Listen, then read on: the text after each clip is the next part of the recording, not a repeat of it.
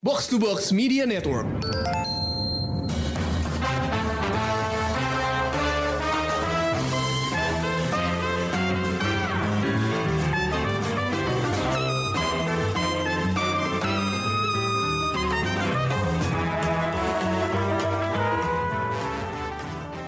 Hai pendengar Showbox, kali ini gue, Amy, mau nge-review sebuah film berbahasa Inggris dalam segmen Anglo Review. Seperti yang udah sempat gue jelasin di episode lain, Showbox tuh sekarang bagi-bagi segmen sesuai dengan bahasa film atau serial yang lagi dibahas. Ada Korea Vagansa, ada Chow Japan, dan sekarang ada Anglo Review buat film-film berbahasa Inggris. Tapi kali ini gue nge-review sendirian nih. Kenapa? Karena teman-teman gue yang lain belum pada nonton filmnya. Maklum, waktu kita terbatas, jadi karena banyak banget yang harus ditonton, nggak semuanya bisa ke bioskop setiap saat atau berbarengan uh, nonton film yang sama, lalu dibahas rame-rame. Tapi meskipun sendirian, gue bakal tetap berusaha untuk nge-review film secara tuntas dan supaya layak didengar. Oke, pertama-tama judul filmnya adalah A Man Called Otto. Film ini dibintangi Tom Hanks, disutradarai oleh Mark Forster, dan ditulis oleh David McGee. Ini sepertinya film proyek keluarga Tom Hanks, karena istrinya, Rita Wilson, itu tercatat sebagai produser. Karakter yang dimainkan sama Tom Hanks, yaitu seorang pria bernama Otto, itu punya versi muda yang diperankan oleh anaknya sendiri, Truman Hanks. Dan gak bisa disangkal ini adalah sebuah proyek Star Vehicle. Star Vehicle tuh istilahnya gimana ya? Proyek-proyek yang digarap khusus untuk si bintang utamanya, entah karena buat cari duit atau menggunakan status bintang dari uh, si aktor tersebut gitu. Well, nggak ada salahnya sih buat mempromosikan diri sendiri asal ceritanya bagus dan nggak buang-buang waktu.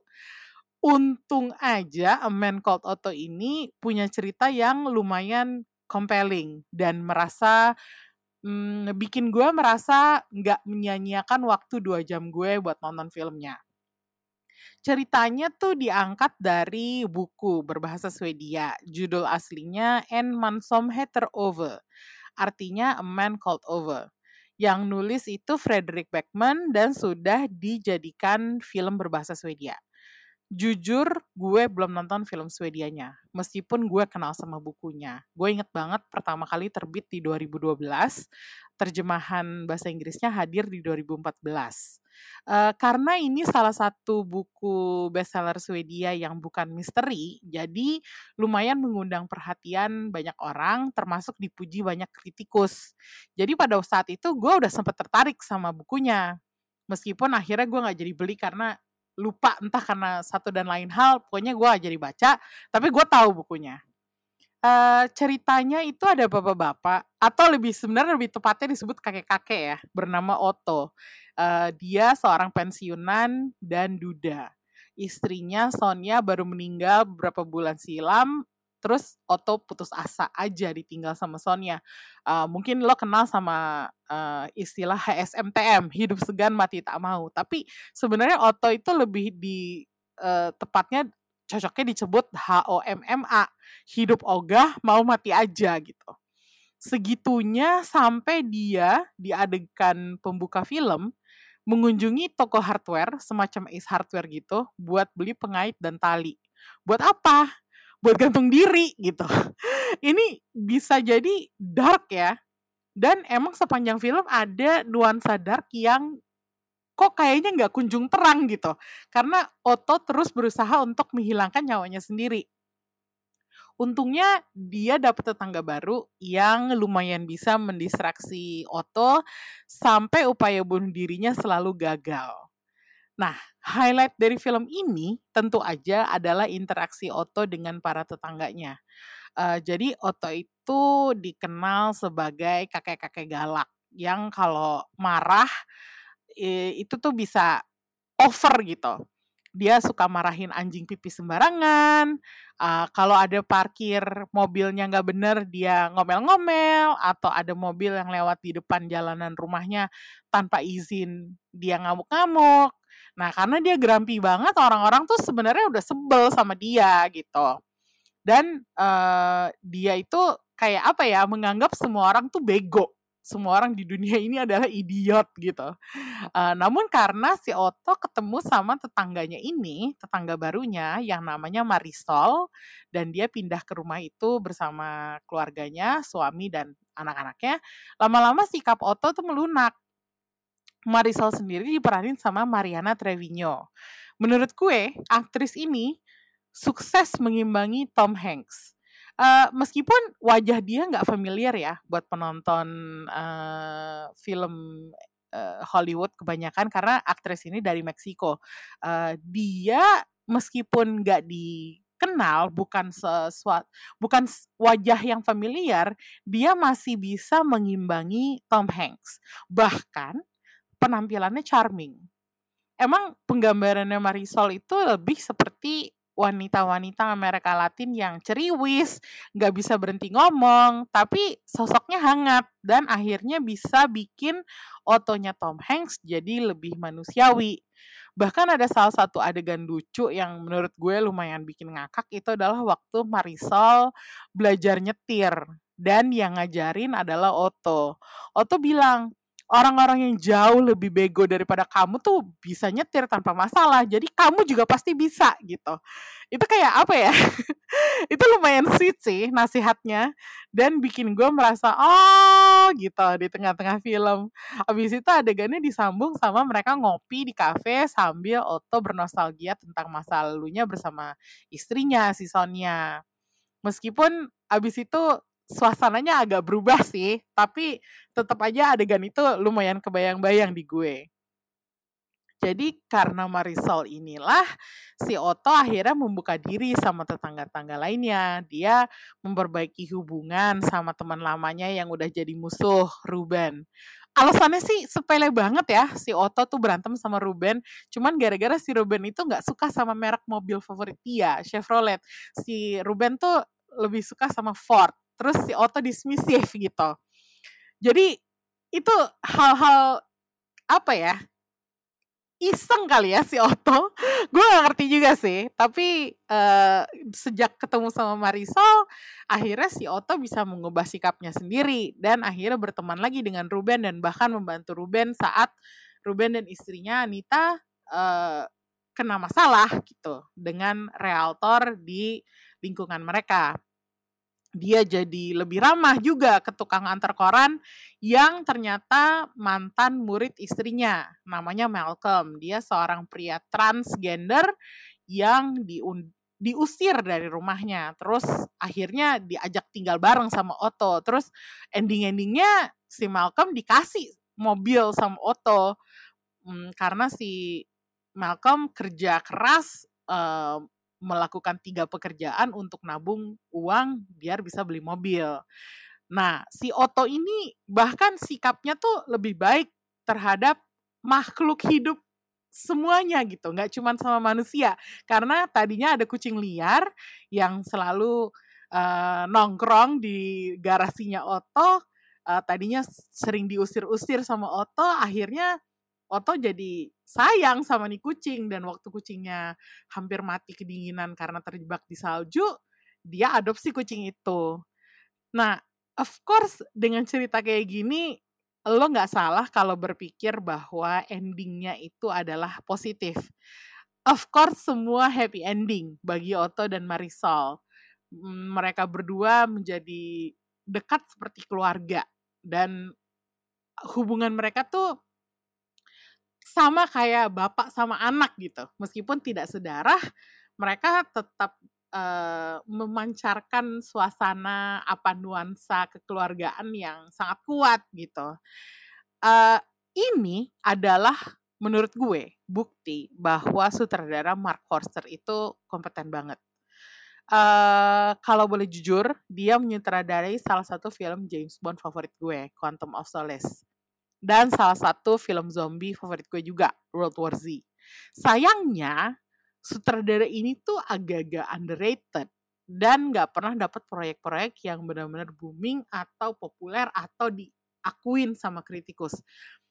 Mungkin juga Mark Forsternya sendiri nggak cari proyek-proyek kayak gitu, tapi kalau gue sih agak sedih aja ya bahwa talent dia kurang diakui sama banyak halayak, tapi bagi gue film-film Mark Forster tuh jarang mengecewakan. Uh, contohnya A Man Called Otto ini cukup solid, meskipun menurut gue ini bukan film yang wajib banget ditonton di bioskop. Kalau ternyata gue telat nonton film ini dan gak dapet di bioskop, akhirnya harus nonton di OTT atau TV kabel, gue menduga sih sepertinya gue bakal tetap nikmati. I mean, ini bukan film action yang meledak-ledak atau drama yang visualnya kenceng banget. Ceritanya lebih simple dan ngalir gitu aja. Dibandingkan sama drama-drama Tom Hanks lainnya, kayak Bridge of Spies atau Captain Phillips, yang ini nggak perlu banget layar lebar. Mungkin karena sifat filmnya lebih intim aja kali ya. Yang pengen ditonjolin tuh emang bukan visualnya, tapi hubungan antar karakternya, yaitu hubungan Otto dengan orang-orang di sekitarnya. Kalau visualnya sendiri sih emang seperti yang tadi gue bilang tadi, nggak ada yang terlalu megah. Ceritanya tentang lingkungan perumahan biasa, interior rumah, garasi, sebagainya. Settingnya juga tuh nggak pernah pindah-pindah ke tempat lain, cuman paling ke toko perkakas yang di awal gue sebut tadi, ke rumah sakit, ke rel kereta, udah gitu aja gitu sebenarnya gue bukan yang nggak merekomendasi film ini buat ditonton di bioskop ya. Kalau ada kesempatan, ada waktu, ada uang, silakan aja ditonton. Tapi kalau harus memprioritaskan antara judul ini atau film lain yang kira-kira bakal lebih susah didapat nantinya, ya nggak ada salahnya milih judul lain itu dulu gitu. Um, yang wajib nonton film ini tuh sebenarnya orang-orang yang sangat mencintai Tom Hanks. Sejak dulu aktor ini emang nggak pernah tampil mengecewakan sih. Jadi film-film Tom Hanks di kacamata gue tuh selalu menarik meskipun nggak semuanya juga gue tonton. A Man Called Otto itu menampilkan beberapa performer yang patut dicatat lah penampilannya. Selain si Tom Hanks dan Mariana Trevino, ada Manuel Garcia Rulfo jadi suaminya Marisol, Tommy, terus ada Cameron Britton dari uh, acara Netflix Mindhunter yang menjadi uh, tetangganya mereka, Jimmy. Uh, Sebenarnya kalau dipikir-pikir ya, film ini tuh nggak bisa banyak diobrolin kecuali kalau kita mau ngomongin unsur penggambaran bunuh dirinya yang lumayan disturbing. Walaupun dikemasnya sebagai komedi ya, karena gue merasa film ini harus ada rating PG-13. Anak-anak yang belum cukup umur tuh harus benar-benar didampingin sama orang dewasa yang bisa ngasih tahu bahwa bunuh diri itu bukan hal romantis. Meskipun film ini seakan-akan menggambarkan seorang suami yang saking kangennya sama almarhumah istri, jadinya pengen meninggal juga. Itu romantisasi. Dan itu agak kontroversial ya buat gue dan harusnya datang dengan semacam warning gitu. Tapi selain itu tema tema-tema lainnya tuh nggak ada yang terlalu gimana banget gitu sampai polemik gitu. Ini film yang lumayan kalem. Meskipun uh, berat di unsur slice of life-nya, uh, alurnya juga maju mundur dengan banyak flashback ke masa muda Otto dan Sonia. Ini alurnya tuh nggak terlalu membingungkan gitu. Dan uh, kalau boleh rekomendasi, film ini lebih cocok ditonton sambil selimutan atau minum minum teh di kasur gitu misalnya. Um, filmnya juga nggak bikin panik atau stres atau deg-degan, tapi lebih menghangatkan dan bikin senyum-senyum sendiri. Sebenarnya kalau dipikir-pikir ya, eh, film ini durasinya lumayan panjang untuk cerita semacam ini. Dua jam full film ini mengalir dan ada beberapa bagiannya yang cukup lambat. Kalau boleh membayangkan, sepertinya temen gue seperti Ulil itu akan mengeluhkan soal durasi dan pacing yang lambat itu. Uh, gue juga sempat mikir, ah harusnya bagian ini bisa lebih ringkas deh tapi kayaknya approach ini memang sengaja diambil sama Mark Mark Forster untuk menggambarkan kehidupan Otto yang apa ya, biar lebih seimbang dan momen-momen kelamnya itu diimbangi sama momen-momen ringannya. Makanya gue bayangin lebih enak kalau bisa ditonton di rumah, jadi bisa di pause, bisa disambi ke toilet, bisa sambil stretching, ambil snack, atau scrolling Instagram dulu gitu Ya, uh, itulah uh, pendapat gue tentang A Man Called Otto. Uh, dan sebenarnya film ini kalau mau dikasih bintang, gue kasih tiga bintang kali ya untuk film yang normal, nggak ada sesuatu yang spesialnya, tapi nggak buang-buang waktu gue buat ditonton. Segitu dulu Anglo review solo gue buat Showbox, A Man Called Otto, persembahan Sony Pictures, masih bisa ditonton di bioskop. Hampir nggak ada saingan nih dari film barat lainnya. Jadi bagi yang punya waktu dan biaya, go ahead and watch this film. Oke, okay, thanks for listening. Sampai ketemu lagi di review-review lainnya di Showbox Podcast. Bye-bye.